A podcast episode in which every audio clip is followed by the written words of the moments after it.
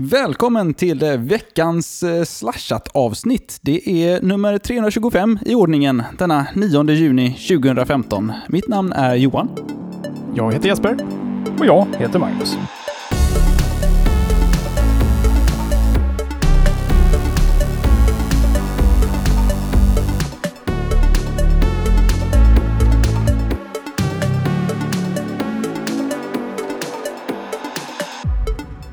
Ja, vi lyckades med rätt ordning och allt den här veckan ju. Helt galet. Det är så det går va, när jag, eh, när jag styr den här skutan. Då blir det rätt. Eh, har ni haft en bra vecka? Vi har haft eh, ett gött event igår. Det var VVDC igår, så vi är alla lite Apple-bakis kanske. Det är man. Man, eh, man ser saker klarare idag när det kommer till Apple än vad man gjorde igår. Eh, det är ju, jag vet inte, för de som inte vet vad vi snackar om, vi, vi har ju alltid lite sån här uppesittarkvällar kring de här stora live-eventen. Vi hade ju dels Google I.O. för eh, en, två veckor sedan och igår då VVDC. Så att då satt vi och snackade lite gärna, försnackade lite, vi livesände hela eh, keynoten och så gjorde vi inget eftersnack igår, men vi tänkte att vi kör det idag istället om. Eh, och eh, det brukar vara väldigt trevliga de här eventen, så att, eh, hade man inte möjlighet att vara med igår så var med nästa gång. Det blir säkerligen lite Apple-event som inte annat i, i höst och säkert ett Google Nexus-event också, kan jag tänka mig. ja, men det sagt, jag vill in och snacka Apple så fort som möjligt, så jag tänker riva av det här in, för in-show-grejerna som vi har att pyssla med här med så här pollar och grejer, för att det tänkte jag att det börjar döna vi förbi här nu. Döna bara. Förra veckan så pratade vi om eh, hur man förvarar sitt huvudsakliga bildbibliotek. Och eh, vi hade ett eh, par alternativ där i vanlig ordning. Det är så en poll fungerar. Eh, då eh, har ni röstat som så att i molnet eh, fick 31% av rösterna och snudd på så är det på datorn som får 30% utav rösterna. Eh, sen hade vi NAS på 22%, extern disk 13%, telefonen bara 3% faktiskt och fotoalbum eh, 1%. Eh, väldigt få som arbetade med det. Eh, ja, hur, eh, det var väl framförallt nu i och med att Google I.O. hade varit och de hade släppt sin eh, Fotos Eh, Eh, Google Photos-version eh, och Apple har ju släppt sin eh, uppdatering och det har funnits lite appar som har kommit och gått det senaste med där man utlovade någon slags lagring i molnet. Magnus, hur förvarar du dina foton? Jag vill ju gärna haft ett sånt här flervalsalternativ här i och med att jag nyttjar ju åtminstone tre av de här tjänsterna. Men jag fick eh, krypa till korset och eh, väljer på dator. Det är, ändå, det är ändå där de hamnar först så att säga efter att jag tagit dem. Så går de till datorn, sen blir det backup till NASen och till molnet. Och det är, väl det, det är väl det kanske också som är det huvudsakliga där du går och tittar på bilderna sen, antar jag? Ja, det beror ju på varifrån jag accessar dem. Sitter jag på min Android-telefon, då kollar jag ju givetvis eh, i, i molnet. Mm. Jesper? Ja, jag hade lite svårt att svara i den här pollen jag också. Eh, nu har jag svarat molnet, men jag hade lika gärna eh, fem minuter senare kunnat klicka i på dator. För jag kan inte riktigt avgöra vad som är min huvudsakliga lagring.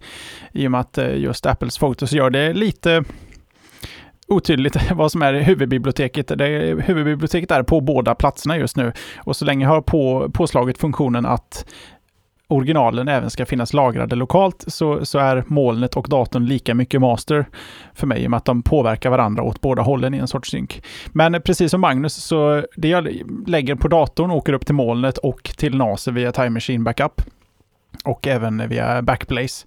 Så att eh, jag har två i molnet, en på dator och en på NAS, vilket betyder att molnet vinner med att den har, det finns dubbelt så många molnkopior som eh, någon av de andra varianterna. Så den, den får ändå vinsten där. Och eh, ska man använda sättet jag tittar på bilder så är det också via molnet just nu i och med att jag på mobilen, där jag oftast tittar på bilderna, faktiskt eh, inte lagrar annat än eh, optimerade tumnaglar och plockar hem bilderna on demand via Apple Photos. Och jag måste ändå passa på, jag har ju eh, svurit över eh, hur man ska leva med, med att hantera sina bildbibliotek ganska länge slashat. Men jag känner ändå att jag funnit någon sorts, inte fullständig, men åtminstone god nog ro över hur jag just nu hanterar mina bilder. När man väl väljer att acceptera bilders eh, begränsningar och eh, väljer att eh, åsidosätta dem så är jag eh, mer nöjd nu än jag någonsin har varit med hur jag lagrar bilder. Om man sänker ribban alltså, då blir det bra. Om man sänker ribban så blir det bra. Åsidosätter jag alla förväntningar så eh, har jag det bra här. Ungefär så. Eh, Kanon.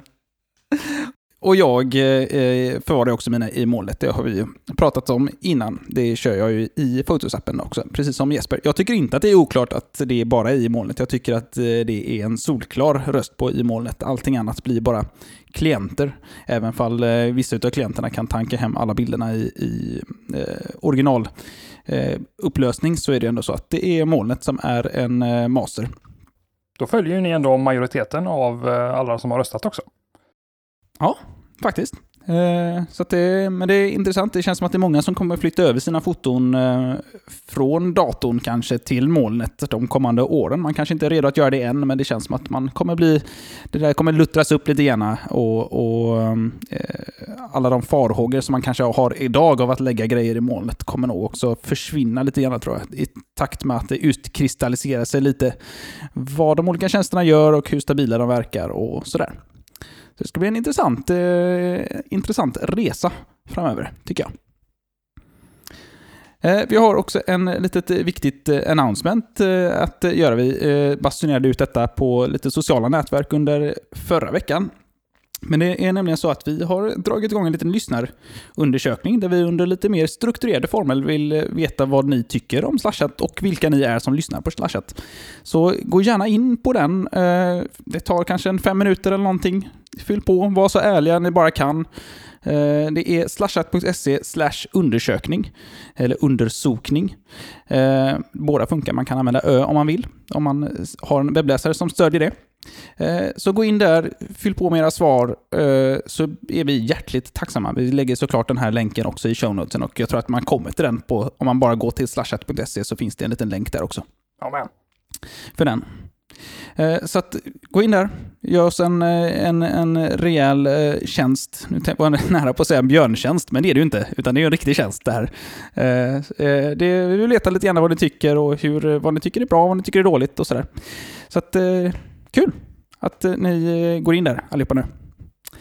Eh, Ja, nu har vi, vi har ingen feedback, ingen follow-up annat. Vi har gått över det viktiga.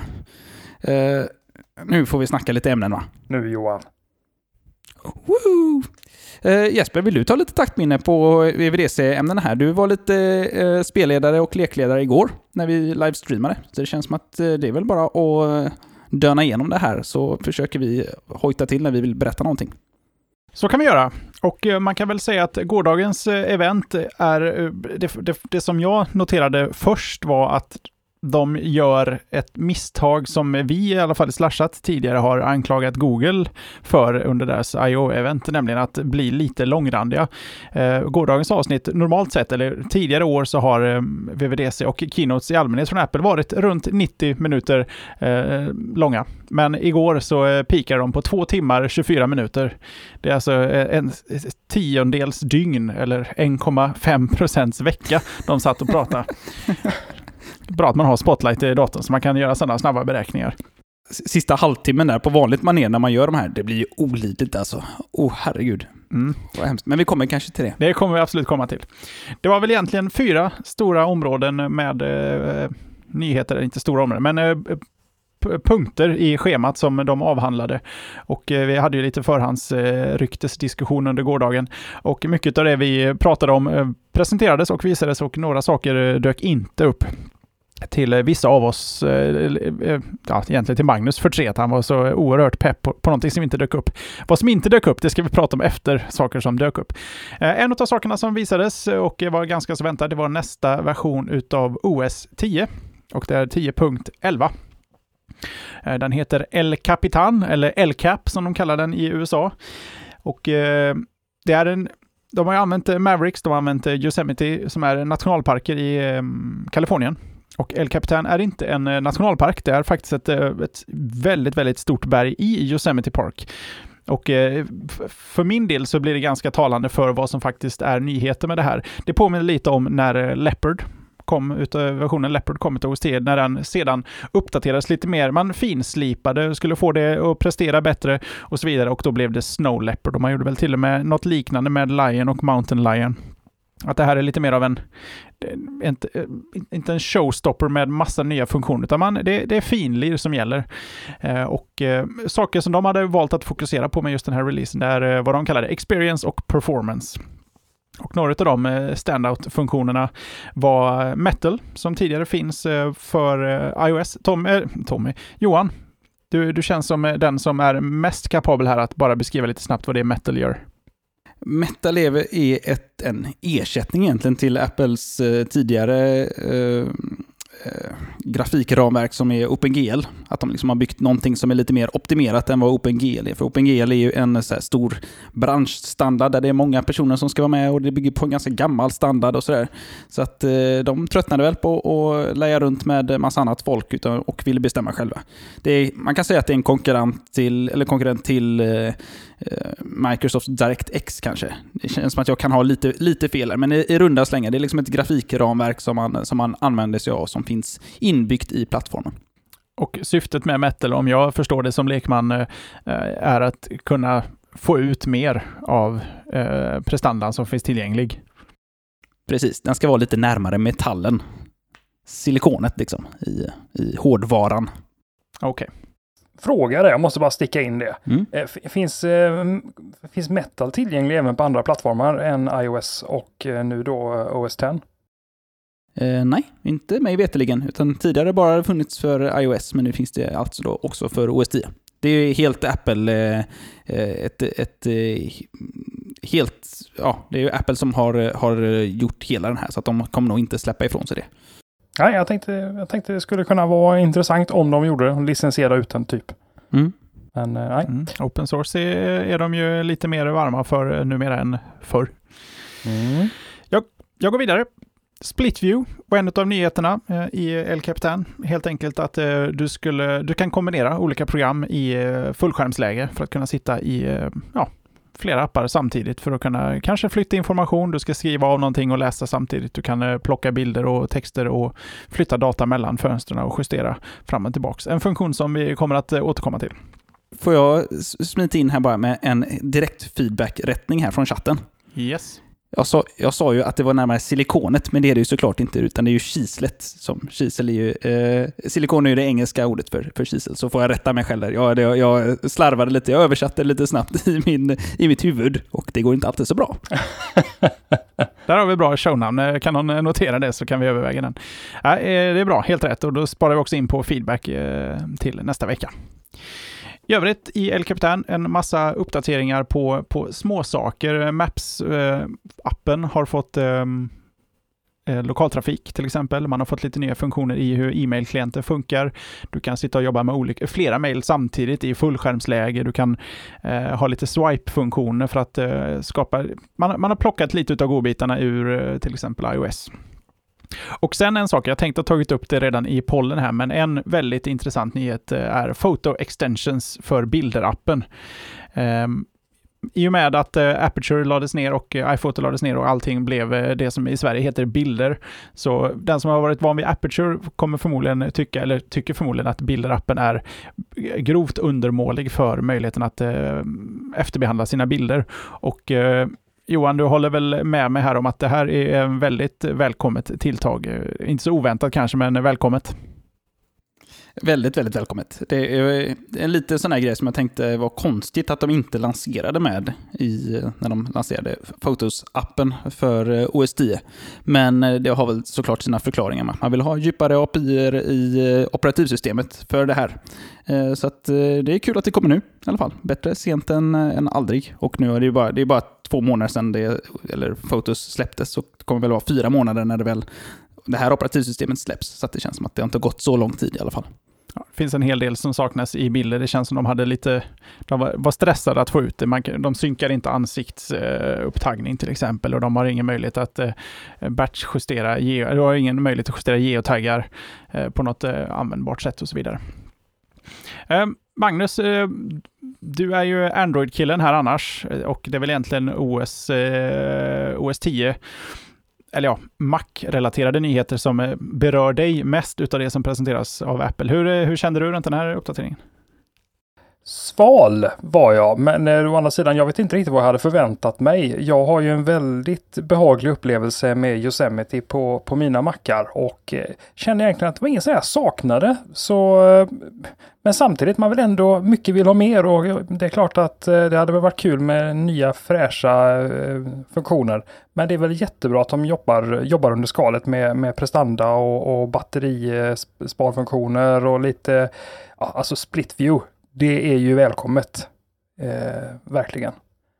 Men eh, nej, inga, inga sådana här eh, wow-upplevelser från min sida.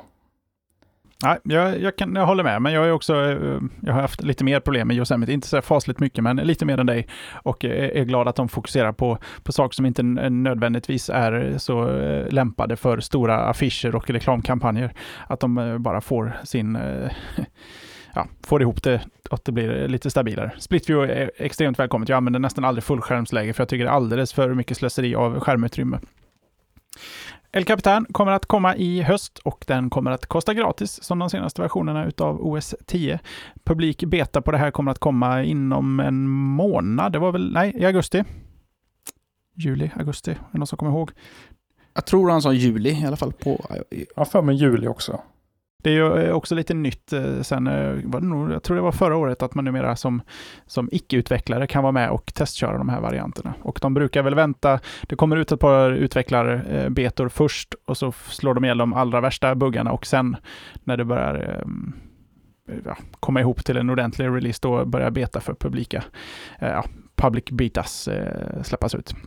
Och om inte jag är helt ute och cyklar så brukar de väl sedan tidigare lova att man med publika beta kan uppgradera till slutversionen, vilket eh, kan vara bra att veta.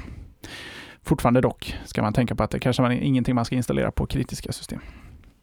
Ja, det här är, med, med det sagt, det här är ju typiskt ett sånt här tillfälle där, vi, där man ska göra som vi säger.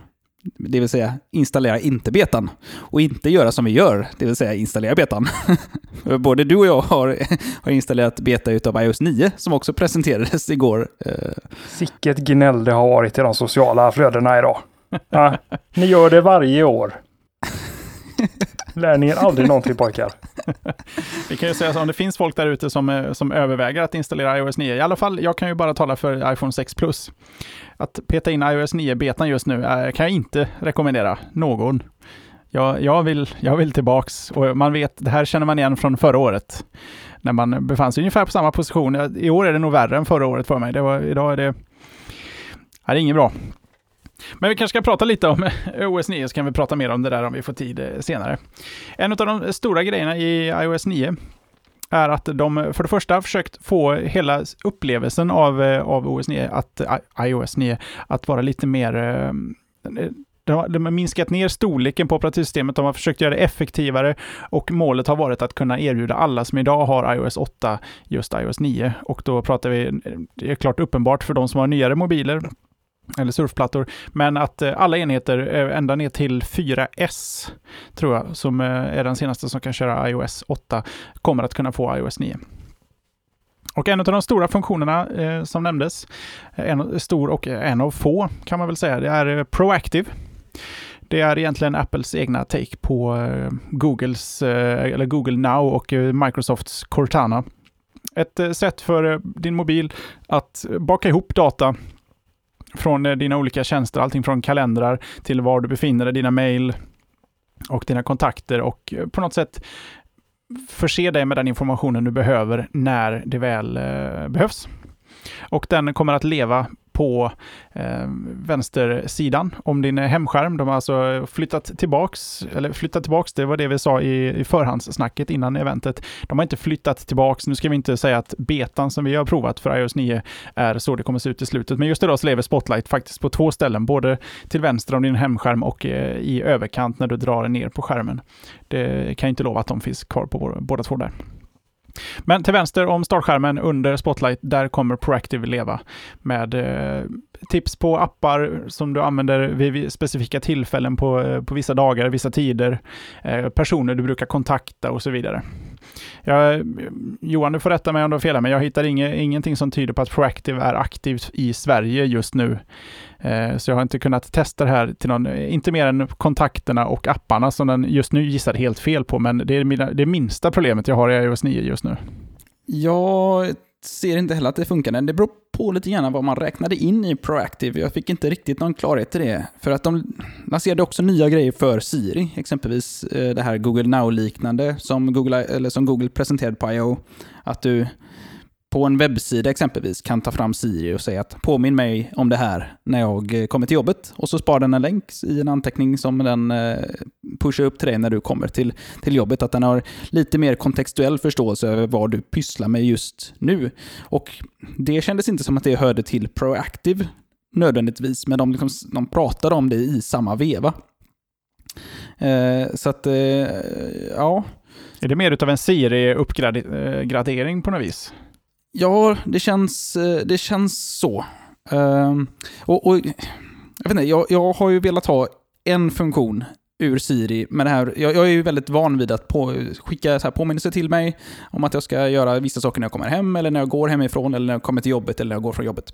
Jag hade jättegärna velat ha den eh, Cortana-funktionen som finns. Eh, det här med att man kan säga att men, påminn mig om det här när jag pratar med den här personen. Eh, påminn mig om att jag ska säga det här till Jesper, exempelvis. Och när du ringer så får jag liksom en liten notis om att ah, kom inte, glöm inte att säga det här till Jesper. Eh, så ser jag det på telefonen innan jag svarar exempelvis. Eh, det är så Cortana funkar. Jag tänker att man även skulle kunna få en sån funktion att ja, men om våra telefoner är nära varandra, vi har varandra på att hitta vänner, och vi har varandra i våra de här, vad heter de, airdrop-grejerna och den kan känna av när, vi, när våra telefoner är nära varandra. Då borde den också kunna bara säga till att men fan du, kom ihåg att du sa att du skulle prata om det här med Jesper. Eh, det är fortfarande en grej som inte finns, men som jag bara tycker att det kan de väl bara lösa nu. Det känns som att de har alla pusselbitarna på plats för det. Och det hade varit en grymt kraftfull eh, eh grej. I alla fall för min del. Mm, jag är försiktigt positiv till att den kan funka så, för det hade varit väldigt trevligt. Jag har ju eh, ventilerat här tidigare att det hade varit bra att veta saker innan det är dags att, att göra dem. Att det är dags, inte så här, glöm inte det, ja, påminn mig när jag lämnar. Men när jag har lämnat, då, då är det för sent. Då har jag glömt det jag skulle ta med mig till exempel. Och det var väl en sak. Men det här är ju, det här är ju också någonting som är, som är jättebra även för, eh, för Android och Google Now. För att eh, Apple kommer ju att plocka det bästa och eh, Google Now kommer ju att bli tvungna att fortsätta utveckla detta och plocka ja, motsvarande nyheter även till den plattformen. Så det här är bra för alla, alla konsumenter. Får se om stöd för det här kommer till Sverige ordentligt vid lansering. Vi jag, jag väljer att vara försiktigt optimistisk där också. En annan nyhet i iOS 9, det var att eh, de eh, så vitt jag kan avgöra fimpar hela eh, det som heter Newsstand tidigare, där man kunde samla under en och samma tjänst flera olika magasin, tidningar, prenumerationer för att kunna läsa och ersätter det med en ny app som heter News, eller nyheter på svenska, där man på något sätt, likt det vi pratade om för ett par veckor sedan eh, med Facebooks Instant Articles, helt enkelt eh, kurerar andras innehåll och presenterar det eh, på ett ett snyggt sätt med bild och video, gör det interaktivt med fin typografi. Tyckte de, de pratade väl inte riktigt om några partners just nu va? Nej, det verkar inte så. Inte vad jag hörde. Och det finns en länk på deras sida där de går igenom det här att man kan registrera sig som partner. Så att jag antar att de är ute och, raggar partners för fullt för det här. Ja, så kan det vara. Och eh, för er som har prenumerationer i Newsstand, om det nu finns någon där ute som har det, så kan man eh, i alla fall utav den iOS 9-betan som finns nu konstatera att den försvinner och de tidningar som man har via det läggs ut i en mapp som kallas Newsstand och så ligger de här tidningarna helt enkelt som separata mappar. Newsstand kan man ju säga, det har ju bara varit en, en, mapp, en specialmapp på, ditt, eh, på din springboard som har appar i sig. För de här eh, tidningarna som funnits i Newsstand, det, var ju bara, det är ju bara appar. Helt vanliga appar. Newsstand är en av många Apple-appar som inte går att dölja eller göra sig av med. Mm, blir man av med den. Ja, och de demade det här nästan uteslutande på eh, iPads, men den ska finnas även för iPhone såklart. Hur det kommer se ut där det är jag lite osäker på, men de eh, löser säkert det fint. Jag tyckte att det här var en av de intressantaste nyheterna igår. Just för att eh, den är ganska intetsägande. Det är säkert ingen som kommer använda det och de kommer inte kunna ragga några partners. Eh, det, det, är den ointressanta delen av det här. Fortsätt. ja, jag säljer in det bra. Men det som jag tycker är ruskigt intressant är att det här är det första som jag har sett från Apple där det är ett Alltså det är ett frontal, frontalangrepp eh, på, eh, på webben egentligen. Man säger att istället för att ni ska posta era dåliga webbsidor som ingen orkar läsa och som är besudlade med en jäkla massa reklam och tracking, använd det här formatet istället som ni publicerar artiklar i och så löser vi resten. Och så blir det snyggt, det blir bra, ni behöver inte tänka så himla mycket för ni är uppenbarligen dåliga på det. Eh, så låter ni, eller låter ni oss sköta det och så ska ni bara producera innehåll. Uh, var det någon annan som såg det på, på det här sättet? För det, det känns som att det de gör här är ju bara ett, ett helt nytt publiceringssystem och en ny, troligtvis något XML-format eller någonting som bygger på deras iBooks-format. Eh, uh, eh, uh, det är liksom inga konstigheter, eller det är inga konstigheter där och det är ju precis som du var inne på där Jesper, det är precis samma sak som eh, Facebook Instant Articles gör också. Det är också ett eget format som cashas snabbt och som ska vara snabbladdade artiklar som du kan trycka upp med snygg typografi och annat. Jag tänker att eh, den liknelsen jag byggde i huvudet när jag eh, hörde om den här nyheten var lite som eh, TT, AP, AFP som, som bara producerar content och säljer till tidningar. Där tidningen är Eh, Eh, publiceringsverktyget för content som de då prenumererar på eller hur de nu köper per artikel eller har en prenumerationstjänst. Att det här är bara det nästa logiska steg, att flytta det från att det ska ut i olika tidningar, att, att allt sorts content egentligen går rätt till den enheten. Och det är det är rätt talande för det här som man ändå har pratat om i ganska många år nu, om att det är i appar internet numera lever allt mer, i alla fall vad gäller kommunikation och konsumtion. Eh, och eh, ja, webben eh, kommer ju inte försvinna, men den, den tappar snabbt relevans som är, alltså World Wide Web tappar snabbt relevans som, som ställe att, att befinna sig på. Och det här är ju bara ett talande tecken. De vet ju att de har den kraften. Facebook gör ju det för att de har en, en miljard plus användare. De vet att här finns ögon. Och Apple ah, de tvingar ju på alla som installerar iOS 9 den här appen i och med att den ändå ingår i systemet, vilket gör att där finns också väldigt, väldigt många ögon. Så eh, de har ju mycket kraft att trycka på att här finns det någonting att hämta. Och eh, vi ser till att det blir snyggt om ni bara skriver rätt. Jag kan inte bestämma mig för om det är aggressivt eller defensivt. Alltså det är ju, det är ju lika delar eh, en attack som det är liksom säkerligen eh, en, en, en försvarsmekanism från eh, det som ja, Google och Facebook och andra gör som vill flytta ut också innehållet på, till webben och ha kontroll över innehållet där i och med att de är portaler till webbinnehåll. Eh, så är det här ett sätt att få folk att stanna i sin trygga appvärld och inte ge sig ut på det stora vida nätet. Också lite läskigt när, eh, om Apple ska ha någon slags Eh, Eh, vetorätt kring vad som får publiceras och inte. Jag tycker inte att Apple brukar sköta de där grejerna så snyggt när det kommer till eh, eh rättigheter för eh, bo, bök, bokförlag och annat som har sålt på iBooks. Man har sett lite exempel på när de inte velat publicera böcker som, eh, eh, som de inte har hållit med om, kan man väl säga. Men det känns ju lite grann eh, som det du är inne på Johan, att det här är säkert en, en jättesnygg grej som ingen kommer använda. Det var ungefär där du började. Eh, ja. Och det finns ju en motsvarighet även på Android-plattformen som heter Nyheter. Som är Googles egen app. Fungerar ungefär på samma vis fast ja, det känns som att den kommer att hålla betydligt lägre kvalitet eh, när vi pratar om innehåll då. För att den, den suger ju bara in innehåll motsvarande RSS-flöden kan man säga. Det finns väl en del original content där bakom tror jag. Men alltså, valbarheten minskar ju extremt mycket med en sån här app. Eh, det är klart att du behöver ha den kritiska massan för, ja, klart, har någon den kritiska massan så är det ju Apple kan man ju tänka sig. Ehm, men vad fasen, jag vill ju sy ihop mina egna flöden via en RSS-läsare. Jag vill inte behöva välja bland det som är så pass, alltså det som håller, eh, om vi säger då, Apple-kvalitet inom citationstecken för att det ska få finnas med i, i deras news-app. Nej, och det kommer man väl fortsatt kunna göra. Men jag tänker att det är, det är väldigt många som inte vill göra det och inte orkar eh, sitta och mixtra med RSS och eh, prenumerationer och sådär. Då är nog det här en enkel, på precis samma sak som Flipper... Eh, flip, flipboard, flip, flipper, det är ju delfinen. Eh, flipboard eh, gör med, eh, och Samsung har ju behandlat flipboard och sådär också. Eh, jag eh, tar oss vidare här. En, en liten nyhet som de inte nämnde någonting om på scen. Men eh, jag vill bara ta upp den här för att eh, jag såg den på The Verge och de har klagat på det här tidigare. Det är en uppdatering till HealthKit som berör i runda slängar hälften utav mänskligheten. HealthKit är ju det underliggande system i iOS som kan logga diverse hälsorelaterade grejer. Hur, mycket, hur många steg du går och Eh, jag vet inte, om du har smarta vågar så kan du, kan, den, kan du mata in hur mycket du väger där och du, man, kan, man kan göra allsköns statistik i det här. Men det som har saknats sedan HealthKit eh, lanserades i eh, iOS 8 förra året är något sätt att eh, logga sin menstruationscykel. Eh, och folk har ställt sig lite frågande till varför det inte har funnits med och det känns bara som en sån här grej som att eller ett tydligt exempel kanske på att det inte är så många kvinnor som har jobbat med en sån här app eller en sån här typ av eh, eh, system eh, då som var i iOS 8. För att det är inte någon svår grej att lägga till såklart. Det finns redan massor av appar som loggar det här för dig.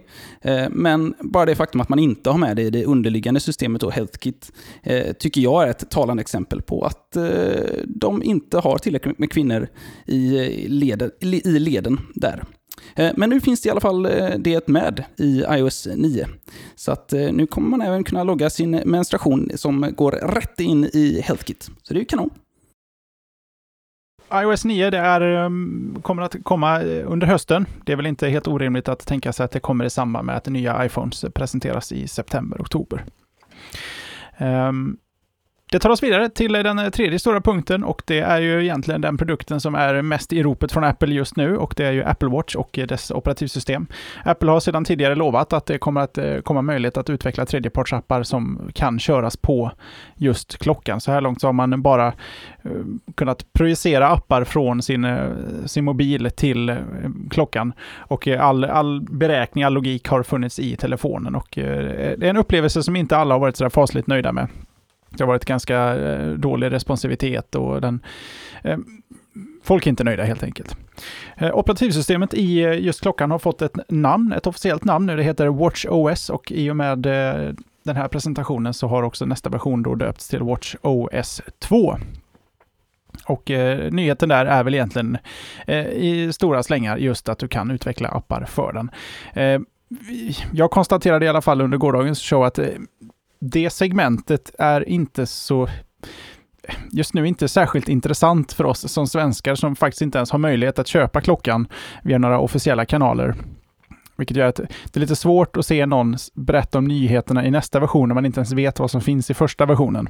Så vi har väl säkert möjlighet att återkomma till eh, WatchOS och WatchOS 2s eh, nya funktioner så fort eh, vi har haft möjlighet att lägga labbarna på en klocka. Finns någon här som har något att säga om eh, WatchOS 2 eller ska jag ta oss vidare? Nej, inte direkt. Jag tycker att, eh, lite som du är inne på där, att det var, det var så kort tid sedan som klockan släpptes. Man eh, rider fortfarande på den vågen. Att de ska lansera nya grejer nu, det var liksom lite för mycket. Jag orkar inte riktigt med det. Man har inte hunnit hype upp sig för att man behöver mer saker i WatchOS. Det är såklart nice att det blir native-appar äntligen. Det känns som någonting som borde funnits där från början, men som de inte hann med. Eh, så att, eh, nej, det ska bli kul att se vad som händer med det nu i, i höst när det också släpps. Och jag är mig veterligen den enda i Slashers crewn som är eh, spekulant på en. Johan, du har pendlat fram och tillbaks men är just nu eh, på, på tillbaks-svängen så att säga.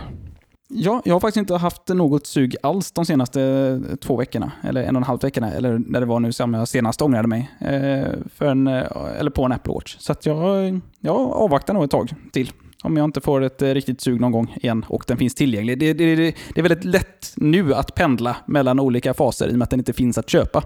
Men när den väl finns att köpa så kommer det bli, väldigt bli, lätt bli så att när man pendlar till en köpfas, då kommer man bara köpa den.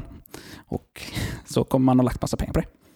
Ja, med lite tur så har jag min i början på nästa vecka och eh, då kommer väl eh, jag ha en del att säga om den den närmaste tiden. Så den som är intresserad av det kommer få eh, så, så det räcker, och blir över. Eh, jag tänkte dra oss vidare till eh, nästa punkt, men jag vill bara backa ett litet, litet steg, för det var en liten detalj jag missade med iOS 9. Och det är att iPaden får en hel del nya funktioner som inte, är, som inte finns till just iPhonen. iOS 9 för just iPad blir betydligt mer segmenterat ifrån just iPhonen, eh, iOS på iPhonen. De, den blir, jag skulle vilja säga att den blir lite mer lik OS 10 eh, utan att på något sätt säga att det börjar bli en, en, en touchdator. Men just det här split screen-läget som finns i fullskärm på nya eh, El Capitan finns också just eh, nu i iOS 9. Specifikt så har du ett split view-läge där du kan jobba med två stycken appar samtidigt på eh, iPad Air 2. Det är den enda enheten just nu där det finns stöd. Utöver det så kommer det två andra funktioner som är specifikt för just iPad och då är det för de eh, versionerna som finns, eh, som, de lite svagare eh, iPad Air och ehm, iPad Mini 2 och jag vet inte var de drog gränsen riktigt, men nyare, men inte senaste.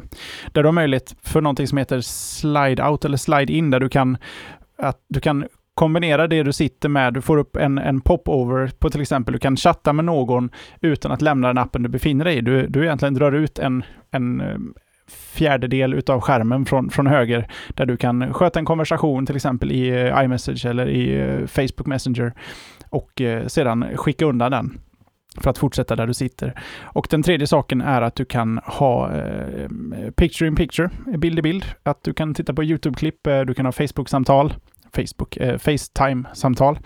Där du kan helt enkelt skala om den, du kan göra den liten och lägga den var som helst på skärmen medan du jobbar i en app. Väldigt, väldigt trevligt. Sen havererade eventet, pojkar. Mm. Minst sagt. Eh, det var ganska så hyfsat tight fram till eh, här någonstans. Eh, sen kom One More Thing, den här som inte används så fasligt ofta. Jag tror bara Cook har använt den i samband med Apple Watchen. Innan det så är det nog fyra, fem år sedan den släpptes senast. Den här gången så var det då Apple Music, det är vi ja, världens minst, eh, sämst bevarade hemlighet rent eh, musikstreamingtjänstmässigt. Att eh, Apple skulle skapa en streamingtjänst, det har vi väl egentligen trott sedan den dagen det blev klart att de eh, köper Beats, eh, Beats hörlurar och deras eh, streamingtjänst Beats Music. Och den presenterades genom att man bjöd upp eh, Iovin som fick prata lite och sen så kom det upp allehanda artister. Det var eh, Trent Reznor från eh, Nine Inch Nails. Det var, eh, oh, nu kommer jag inte ihåg, han heter Zayn, en eh, radio-DJ från England. Eddie Q var där uppe och så var Drake uppe och pratade om den här. Och på något sätt så lyckades inte någon av de här fem människorna eh, kommunicera exakt vad Apple Music var, vad som var den stora grejen med det, eller vad det ens... För vad vi konstaterade efter de var klara med det segmentet var, jaha, men är det en streamingtjänst?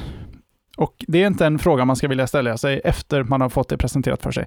Det var väldigt luddigt. Eh, de, jag vet inte om de hade de inte hade övat tillräckligt eller om det blev fel någonstans, för det blev väldigt luddigt kommunicerat vad just Apple Music var. De fokuserade på tre olika punkter, Discover, Radio och Connect. Connect kan vi riva av med en gång, det är egentligen eh, Ping 2 för er som kommer ihåg Ping. Eh, de gör ett försök på att koppla ihop artister med fans, där man kan som artist kan posta eh, som ett socialt flöde. Du kan posta inlägg, du kan posta bilder, video och så vidare och lite exklusivt material. Så kan dina fans kommentera och hjärta eller tumme uppa eller vad man nu ska göra. Connecta, pinga. Och eh, Får väl se om det tar fart bättre nu än när de släppte Ping för, ja, vem vet, åtta år sedan. Discover är väl egentligen det som nu så här i efterhand när man har fått läsa på, det är det som är själva streamingtjänsten. Det är där du kan eh, komma åt all din musik som du har köpt via iTunes och nästan all övrig musik som säljs via iTunes. De har inte fått lic licenser på allt, men biblioteket ska ändå vara av eh, Spotify-storlek, så att där finns musik. Du kan spela eh, och skapa spellistor, det är låtar, album, artister, hur du än vill eh, ta del av den. Du, kan, eh, du kommer få kurerade spellistor från eh, musikredaktörer hos Apple. Du eh, kommer kunna sätta en profil för vad du gillar. Du kan säga vilka artister du tycker bra om, vilka artister du tycker dåligt om och du kommer kunna tycka till om musik allt eftersom och den kommer även lära sig vad du tycker om allt eftersom du lyssnar på material själv och eh, bygga om rekommendationerna baserat på det. De kommer även ha eh, kurerade spellistor från stora tidningar. DJ Mag, eh, Pitchfork, Rolling Stone kommer att se till att det finns uppdaterade fräscha listor där. Tredje punkten, radio. Det är egentligen en eh, helt egen dygnet runt radiokanal utan reklam som eh, då, eh, om jag förstod det hela rätt, heter Beat One. Och här har de då lyckats knipa ett par väldigt kända radio-DJs runt om i världen som ska sköta den här kanalen. Där de kommer förse dig med det allra bästa inom alla sorters genrer och även ja, prata lite med dig. Och en sak som inte nämndes, men som dök, för, eh, dök upp i förbifarten där, att just Apple Music, förutom naturligtvis kunna finnas på alla Apple-plattformar, även kommer att komma i en Android-version till hösten. Ja, Magnus, är du, är du taggad? Alltså, jag, jag gillar vad, vad Apple försöker att göra med Discover-tjänsten. För att jag hade väldigt svårt att hitta ny musik innan Spotify började kurera eh, musik på, på riktigt. Eh, och eh, det här känns som att det här är nästa steg. Och när Spotify får tag på det här, då, då är jag nöjd. Det är väl, säger väl en del. Sen kan man säga jag tänker att, alltså inte gå över. All right. Eh, musikbranschen, eh, alltså konkurrenterna har ju reagerat lite, lite ljummet. Daniel Ek eh, på Spotify eh, twittrade ju oh, okej. Okay. Eh, och eh, plockades snabbt upp i media och han plockade snabbt bort sitt tweet. Och eh, sen var väl Ardio ute och gjorde, de tabbat sig lite, men de kopierar egentligen en gammal Apple-kampanj där de skriver “Welcome Apple Seriously” som är en spoof av Apples kampanj “Welcome IBM Seriously” ehm, som har en liten rolig historia runt sig där IBM fullständigt krossade Apple under en period. Ehm, får se om det har väl Ardio lärt sig nu vid det här laget, antar jag. Det har de nog blivit uppmärksammade på. Men eh, Johan, du äger en hel del iTunes-material. Du kör Spotify idag och eh, om man bara försöker se förbi det här katastrof eh, den här katastrofdelen av eventet. Hur, hur känner du spontant? Alltså jag, jag är väldigt nyfiken över att testa. När jag har tittat på lite videos eh, och tittat på lite eh, eh, screenshots och så här, så ser det ju väldigt trevligt ut tycker jag. Och de ska ju släppa en tre månaders free trial för alla som vill testa och den kommer ju 30 juni. Så att jag tänker att man får testa och så får man se hur det, hur det verkar. Jag tycker ändå det ser trevligt ut och ja, det är, svårt, det är svårt att säga för att det var så fruktansvärt dålig presentation. Alltså, jag, det, jag, om man nu ska se till att förra VVDC var en av de bästa keynoten i Apples historia, eh, så är ju det här keynoten dras ner av hela den Apple Music-grejen. De spenderar liksom en halvtimme med fem olika människor som var uppe på scen pratade om den här produkten och kunde liksom inte förklara vad den var eller vilka problem den löste. De hade uppe screenshots av konkurrenter på scen, men de visade inte hur de, varför de var bättre eller varför man skulle använda deras grejer istället. Det känns som att det var ingen som hade koll. Hela, hela den delen kändes som hur iTunes är i övrigt. Så här, man har försökt klämma in alldeles för mycket funktioner i en alldeles för dåligt kodad app. Och eh, jag vet inte, så kändes den delen av eventet. Eh, det var, bara, det var bara kaos. Alla sa allting. Det var jag vet inte, som en riktigt otajt jazzorkester. Alla stod och spelade på sina egna låtar. Varsitt hörn på den här scenen. Sen kan man säga att den här tjänsten, 10, 10 dollar kommer den att kosta. Det kommer väl säkert landa på en 99 kronor i Sverige. Men lite intressant prissättning där du kan köra ett helt familjekonto upp till sex personer för eh, 14, 99 dollar. Och vi kan väl då gissa 149 svenska kronor. Vilket är väldigt eh, konkurrensmässigt eh, korrekt. Eh, du blir tvungen att använda hela iClouds eh, familjedelningsfunktion däremot. Eh, den har en del sköna begränsningar också som man bör tänka efter på. Många konkurrenter har redan börjat försöka fiska slack här genom att påstå att de kommer förr eller senare att införa liknande prissättningar för familjemodeller. I övrigt så håller jag med dig Johan, jag är villig att, och prova jag vill ändå ge det en chans. Jag har provat de flesta streamingtjänster för jag vill ändå ge dem en chans. Eh, jag är ju alltid på jakt efter ny musik och det är egentligen där de kan vinna mig. Eh, och Spotify har blivit väldigt, väldigt duktiga på det. Det är väldigt lätt att hitta ny musik där och det är ju det som, som har saknats. Har man världens största musikbibliotek så vill jag ha ett sätt att hitta saker jag inte redan känner till. Det är den svåra uppgiften, att hitta det jag känner till. Det är jättelätt. Det räcker med en sökruta längst upp. Och det var ju så allting började. Mitt problem med andra tjänster än Spotify är att Spotify idag har gått och blivit lite av streamingtjänsternas Dropbox.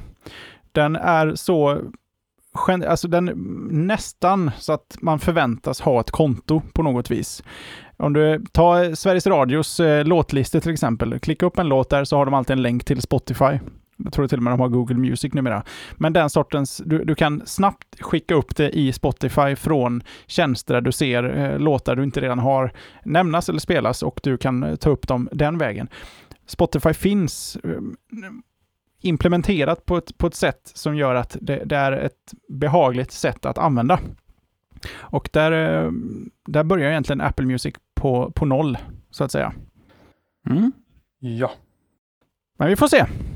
Tre månader är gott om tid att bilda sin uppfattning, uppfattning i alla fall. Ja, men absolut. Och som sagt, det kommer ju pushas ut nu till en herrans massa användare där ute. Så att, eh, eh för de skulle köra en worldwide launch egentligen. Va? Det var 100 länder som skulle med i lansering.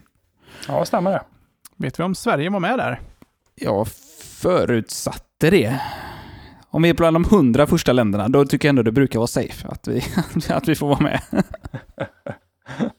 mm, jag försöker scrolla febrilt här, men uh, jag, vet, jag, jag, vill, jag vill ha hundra flaggor. Pratade vi någonting om, uh, om vad de hade för mål med antalet användare på Apple Music? Nej, det gjorde vi inte. Ambitiösa mål, 100 miljoner prenumeranter är uh, målet. Spotify har, finns idag i 58 länder om inte jag minns fel. Och har väl, eh, vad har de, 60 miljoner användare? Ja. Ja. Det är klart att eh, det här, de får vi se sig om nu lite grann tror jag. På sikt. Men Apple kan ju lösa det automatiskt. De har ju ändå gjort det U2-fadäsen. Vi enablar ett konto åt dig här, kopplade till ditt eh, iTunes eh, kopplade kreditkort, så kan väl du höra av dig om du inte är intresserad sen. Precis. Alla med iOS har helt plötsligt eh, Apple Music. Här får du ett album. Alla album från YouTube. Eh, en sak jag, jag funderar på med den här streamingtjänsten, någon måste ju börja lösa det här med att hitta en standard för spellistor. Så att man kan migrera lätt. Det ligger i alla streamingtjänsters intresse om man ska kunna sno kunder av varandra. Det trodde jag var Tommys uppdrag lite grann. Ja, men eh, han konverterar ju listor från en tjänst till en annan och den ena tjänsten har lagts ner. Det blir inte mycket konvertering där. Det var väl Groove, Grooveshark och Spotify han eh, byggde någon motor för. Men med Grooveshark i, i graven så vet jag inte, den domänen simmar väl, den flyter väl lite löst ute på haven nu. Som en död haj. Ja. Ja. Någon som har något mer att säga om Apple Music? Nej, det kommer troligtvis suga. jag gillar hur du bara stänger butiken där Johan. Det finns ett par, par små saker till som hände under eventet. Jag tänkte att eh, Johan, du har suttit tyst en stund nu. Det här finns det saker du kan prata om. Ja, Eh, det är nämligen så att eh, eh, ehm, vad heter det? Programmeringsspråket heter det ordet. Jag tappar mycket ord idag, konstigt. Programmeringsspråket Swift eh, släpptes i en ny version och det heter Swift 2.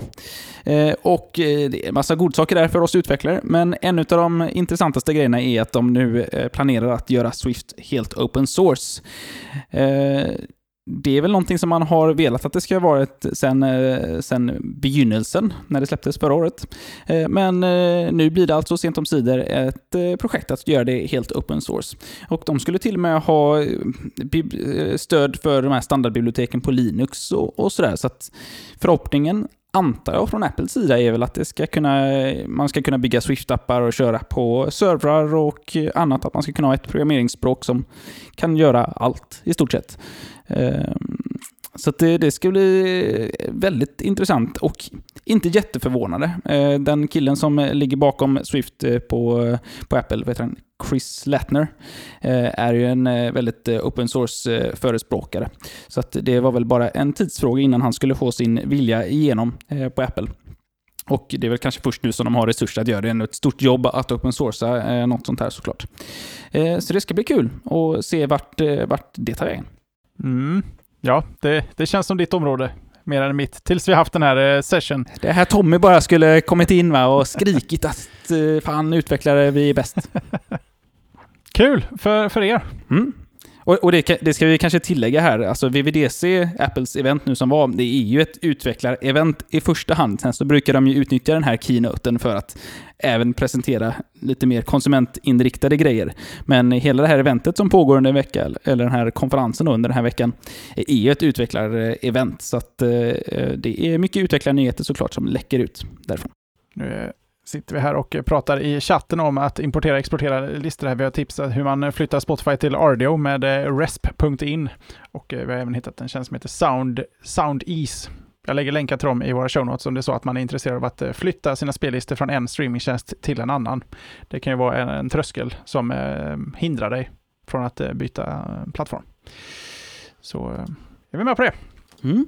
Har vi något mer där? Eh, Apple Pay äh, finns i USA, det vet vi. Den växer som tusan där och den enda nyheten på det området är att de expanderar till England. Och nu är de ju nästan i Sverige om man ska se det procentuellt avståndsmässigt. Nu, nu är de ju 70... nu fimpar man ju sina geografilektioner här om man säger. Men jag säger 70 till 75 procent framme i Sverige. Men vem vet, det kommer väl dröja innan vi får det här.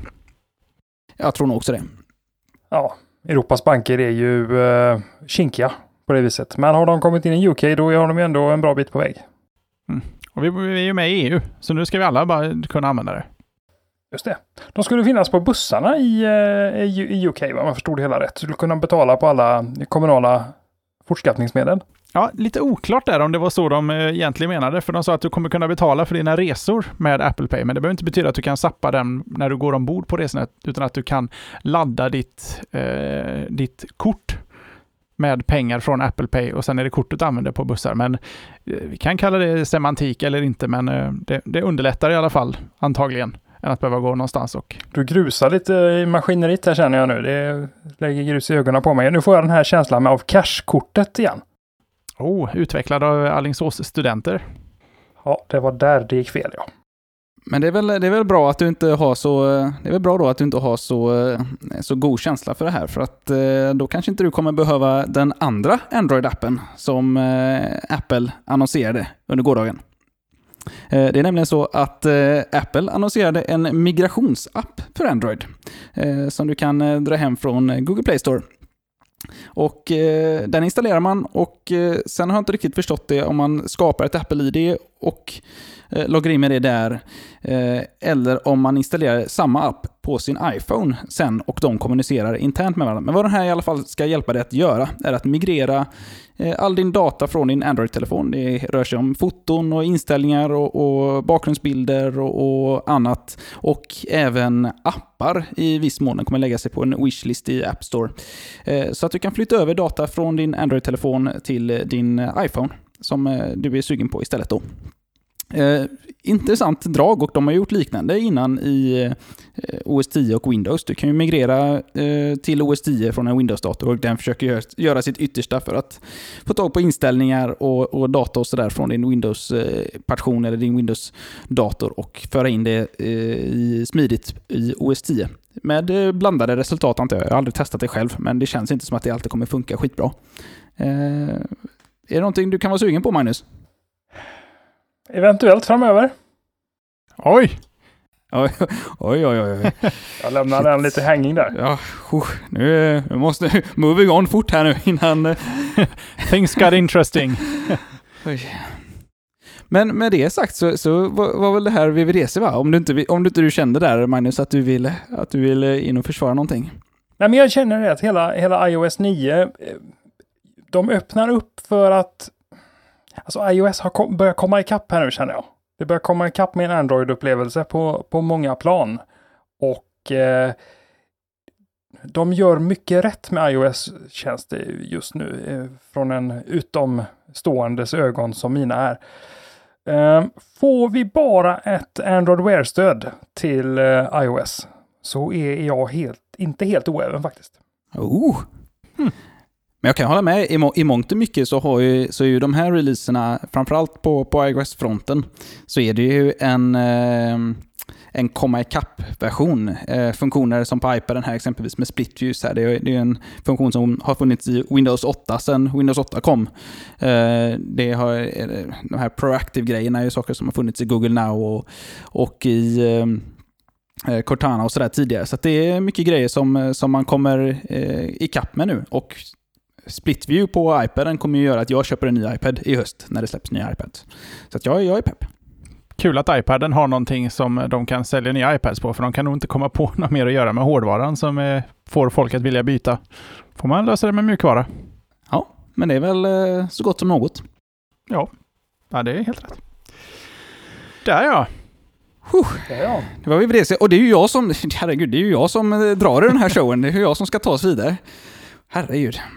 Ja, eh, eh, då En timme in bara. en timme in bara, första ämnet. Det är ju skönt. Eh, jag tycker så här Magnus, det var, mycket, det var väldigt mycket Apple nu och eh, du har i och för sig pratat under de ämnena också, men kan inte du ta oss vidare till någonting annat som är intressant här, som har hänt i veckan?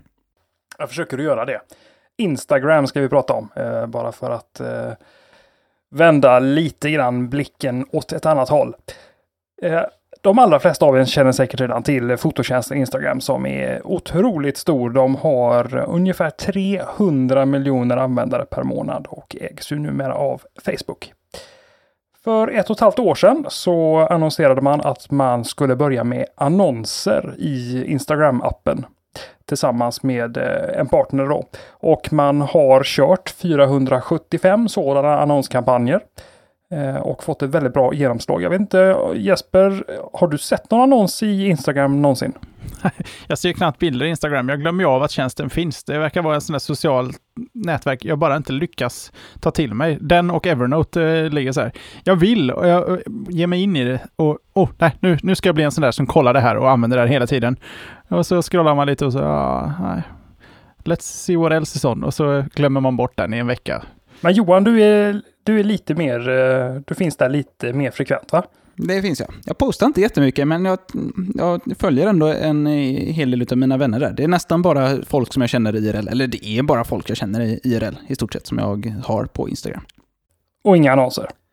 Inga annonser har jag sett hittills. Eh, Jag har haft en eh, människa som dyker upp ibland med eh, en eh, katt. Eh, och eh, jag följer inte honom, men jag förutsätter att det är en bugg.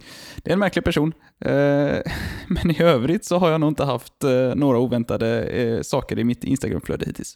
Jag, jag tar oss vidare. Anledningen till att ni inte har sett några annonser är för att detta bara finns tillgängligt i åtta länder än så länge. Eh, så det var ett ganska enkelt svar på den frågan.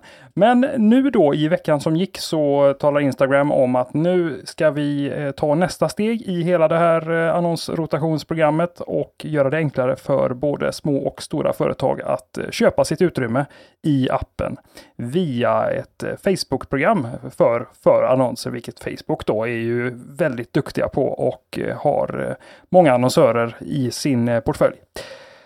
Eh, man kommer att eh, rulla ut det här eh, globalt under 2015, innevarande år alltså. Och de här annonserna kommer ju vara snygga bilder, är väl tanken. Och med, med direktlänkar till erbjudanden, läs mer, köpknappar, ladda ner appar eller vad det nu skulle kunna vara då.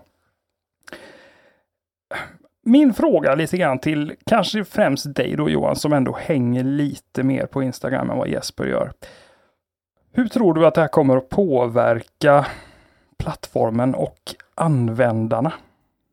Ja, om det här ska vara likt det som Facebook har gjort i sina appar, eh, att man liksom prånglar ut bilder eh, eller annat som ser ut som helt vanliga inlägg, då kommer det innebära att jag i alla fall inte kommer spendera så mycket tid i Instagram. Eh, jag kan ju inte tala för alla användare såklart, men ja, inte, det borde inte gå så gott för mig. Det får inte vara mycket reklam om eh, jag ska orka se på det här.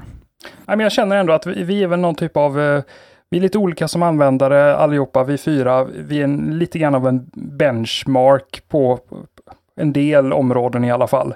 Och jag känner nog, precis som du, att jag kommer i princip, tror jag, sluta hänga där om eh, jag ska se mer än ett par annonser om dagen. Ehm, är min känsla. Ehm, Jesper, har du, eh, vad är din upplevelse av eh, eventuellt intåg av annonser i ditt eh, Instagram-flöde? Ja, det jag funderar på är hur man ska kunna vara relevant med marknadsföring mot Instagram. För där vet man ju inte alls lika mycket om användaren som till exempel i ett Facebook-flöde, såvida de inte är ihopkopplade. Om man, nu, om man nu har loggat in på Instagram med sitt Facebook-konto. Och det, det är väl säkert en stor grupp, men inte, inte alla. Nej, det är ju eh, i och med att Instagram numera ägs av Facebook och jag tror till och med att du kan logga på Instagram. Det här får ni inte citera mig på, men jag tror att det går att logga på med ett Facebook-konto. Och dessutom så kan du givetvis när du postar bilderna eh, koppla till ditt Facebook-konto så att du, du, trycker ut bilden eh, på Facebook lika väl som på Instagram. Och där har de ju där har de ju hela din profil egentligen. Vilka annonser du, vilka sponsrade inlägg på Facebook du klickar gilla på, vilka sajter du gillar eh, eller Facebook-sidor och så vidare. Så att de har ju världens bästa eh, backend för att, att kunna ge dig relevant reklam. Ja, men det, men det kräver också att man har en 100% sync rate mellan Facebook och Instagram. Du, du kan inte sälja man, anledningen till att man skulle vilja annonsera på Instagram är ju för att det finns så pass mycket användare på det, men då blir man ju tvungen att begränsa segmenterad reklam till dem baserat på vilka av de här eh, kontona är synkade med Facebook. För det finns ju en väldigt massa Instagram-konton som skapades innan Facebook köpte upp dem och de har ingenting med Facebook att göra och du fyller inte i någon riktig personlig information om dig själv eh, när du skapar ett vanligt Instagram-konto idag. Så jag vet inte hur de ska lösa det riktigt. Men jag har inte svarat på din fråga än, vad jag, vad jag tycker om reklam. Jag tycker det är okej, okay. det är en gratis tjänst och eh, folk har uppenbart valt att acceptera reklam i såväl Twitter som i Facebook-flöden utan problem. Och Facebook misshandlar ju verkligen sitt nyhetsflöde med reklam och eh, folk accepterar det. Eh, det finns, eh, den tröskeln är nog eh, hyfsat hög för vad, vad Instagram-användare är eh, beredda att ta för en eh, gratis tjänst. Jag kan bara spontant skulle jag kunna tänka mig att en, en, ett lätt sätt att knyta ihop en användare är väl för att många användare använder samma mailadress på när man signar upp på Facebook och på Instagram kanske. Och att mailadressen skulle kunna vara den gemensamma faktorn. Det låter ju som ett, ett, ett, ett integritetsproblem dock. Du har inte godkänt, ja det har man väl säkert, De flyg, det flyger väl säkert förbi sådana uppdaterade villkor som man klickar eh, automatiskt ja på, så har man godkänt det. Men eh, ja, så skulle man ju naturligtvis kunna göra. Men du får fortfarande inte en eh, 100% hitrate. Nej, nej, det får du inte. Det får du inte. Så att det är klart att eh, de kommer ju ha bättre träff på, på alla med Facebook-konton. Eh, vi får väl se hur detta, hur detta kommer att eh, rullas ut under året och vad det kommer att göra med användarbasen på, på 300 miljoner användare per månad. Det är ju fasen, det är många användare alltså. Och eh, i det stora hela så de kommer säkert att dra in kulor på detta. Precis som Facebook gör på, på Facebook. Till skillnad från vad Twitter gör som inte lyckas få igång sin affärsmodell riktigt. Ja, det går inte helt bra för dem. Några andra som det inte går bra för? Det är dig.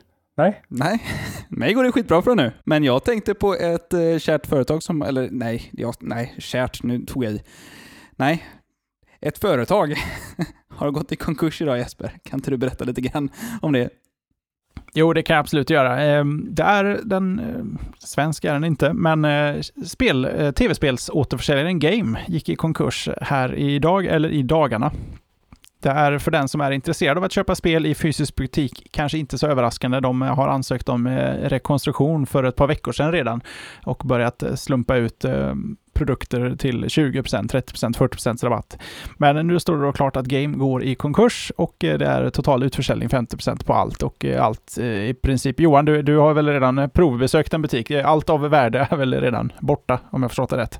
Ja, det fanns varken konsoler, kontroller eller intressanta spel kvar, utan man fick, det fanns lite så här små figurer att köpa och så hade de klubbor på en sån här ställ som man kunde köpa, godisklubbor. Eh, så att eh, det var ju 50% på det, det är bra.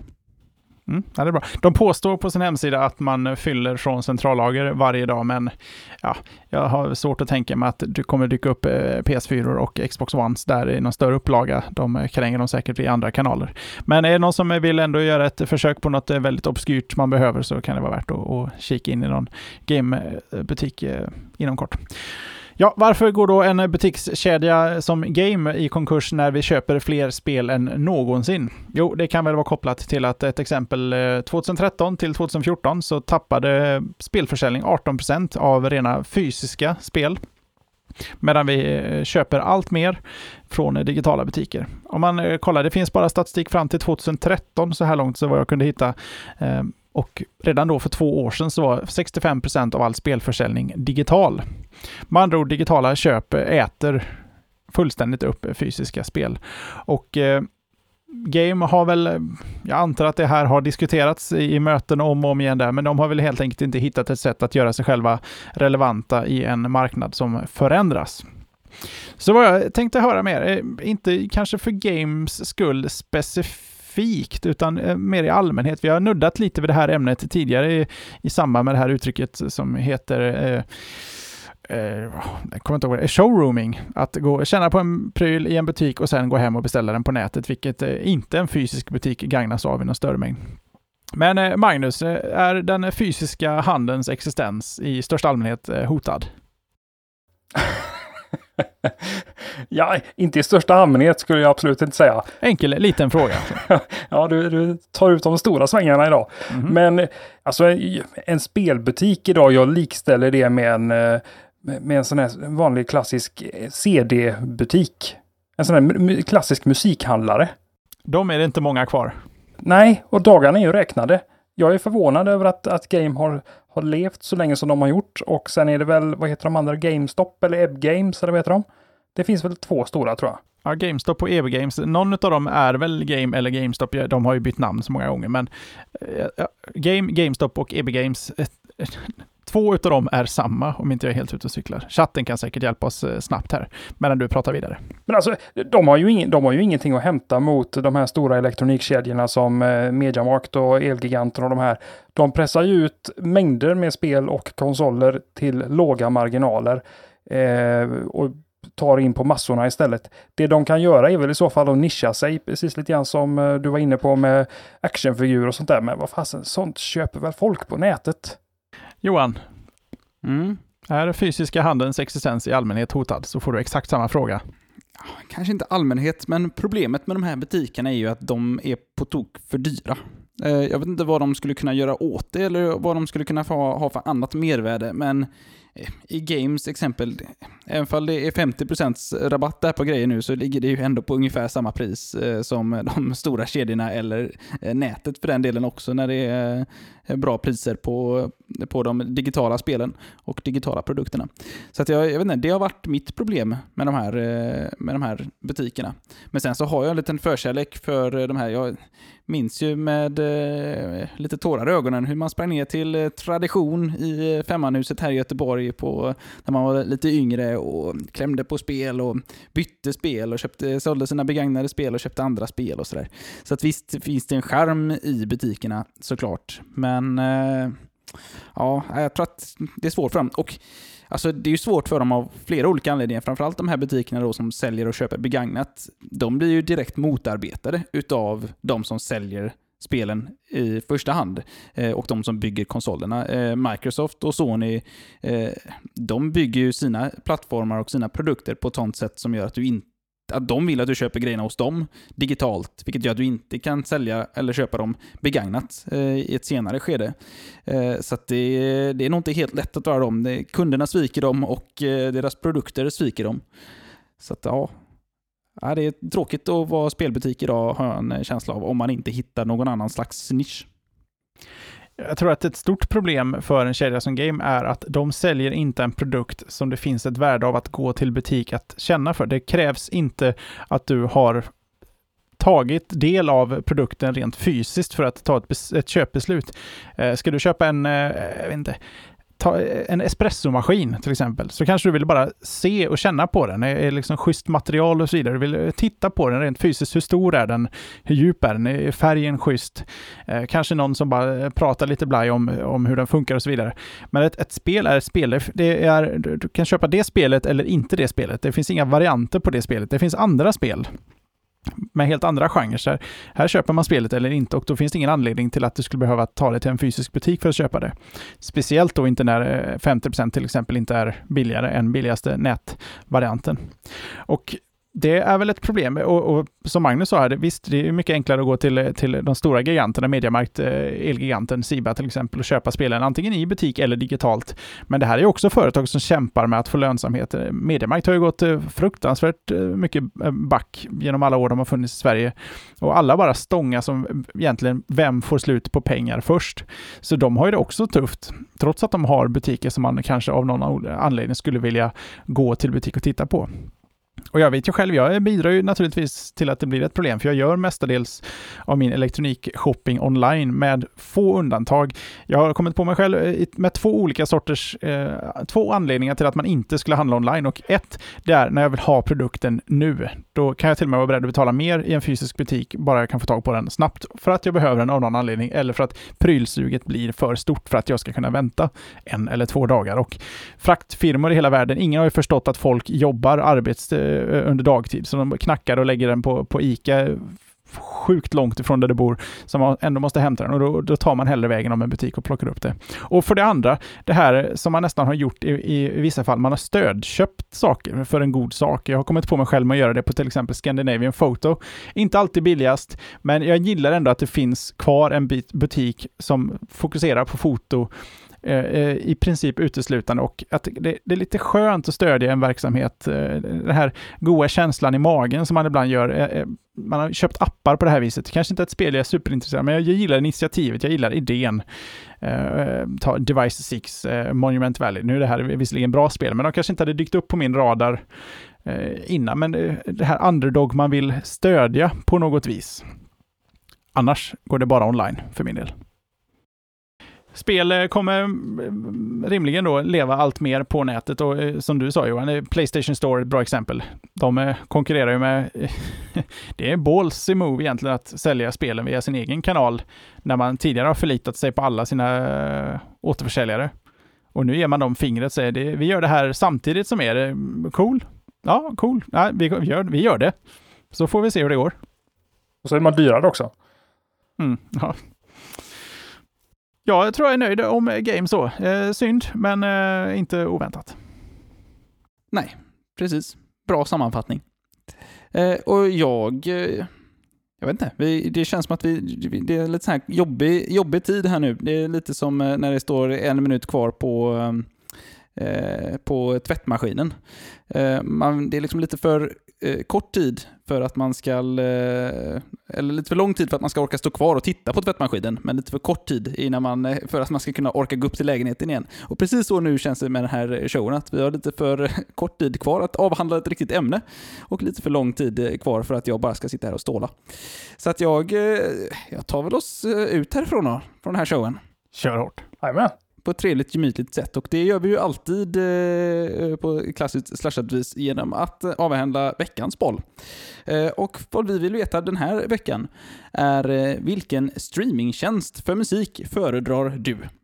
Eh, och då har vi ett, eh, en rad alternativ här. Det är Spotify, det är Tidal, det är Ardio, Google Music, Soundcloud, YouTube och eh, annan. Eh, och också ett alternativ streamar, är inte musik. Så att eh, gå in på slashat.se, eh, rösta och eh, så sitter vi och diskuterar det här lite grann i nästa vecka. Vi hade inte med Apple Music av förklarliga skäl bland de här alternativen i och med att det inte har lanserats än ordentligt.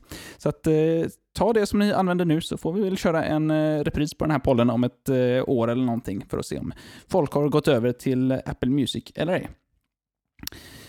Någonting annat som vi skulle vilja veta utav er. Eh, jag sa det i början av showen, jag säger det igen. Gå gärna in på den här undersökningen, slashat.se slash undersökning. Fan, det är mycket sh i, den här, i de här eh, urlarna nu. slashat.se slash undersökning.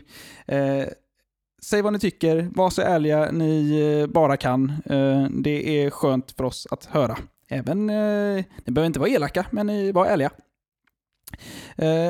I övrigt så har vi ju eh, vårt eh, eminenta forum. Eh, Forum.array.se. Vi har en sajt där man kan skänka oss en liten slant, slashat.se slash donera. Man kan se vilka vi är på slashat.se slash om. Man kan se hur vi ser ut på slashat.tv. Och eh, har vi sagt någonting eh, fel i, idag, eh, framförallt om alla de här nyheterna som kom eh, från VVDC igår, så rätta oss gärna genom vårt feedbackformulär. finns också på slashup.se en liten länk där. Och eh, i vanlig ordning, betygsätt oss gärna om ni tycker att vi är intressanta, så att vi får upp, eh, fler människor får upp ögonen för eh, Slashat. Eh, så betygsätt oss på iTunes eller era andra poddspelare och poddbibliotek som ni använder er utav eh, där hemma i stugan när ni lyssnar på oss. så vore det väldigt, väldigt tacksamt. Med det sagt, fasen effektivt, så tar vi oss ut härifrån på riktigt. Eh, det här var avsnitt 325 utav slashat.se den 9 juni 2015. Eh, till nästa vecka och på återseende.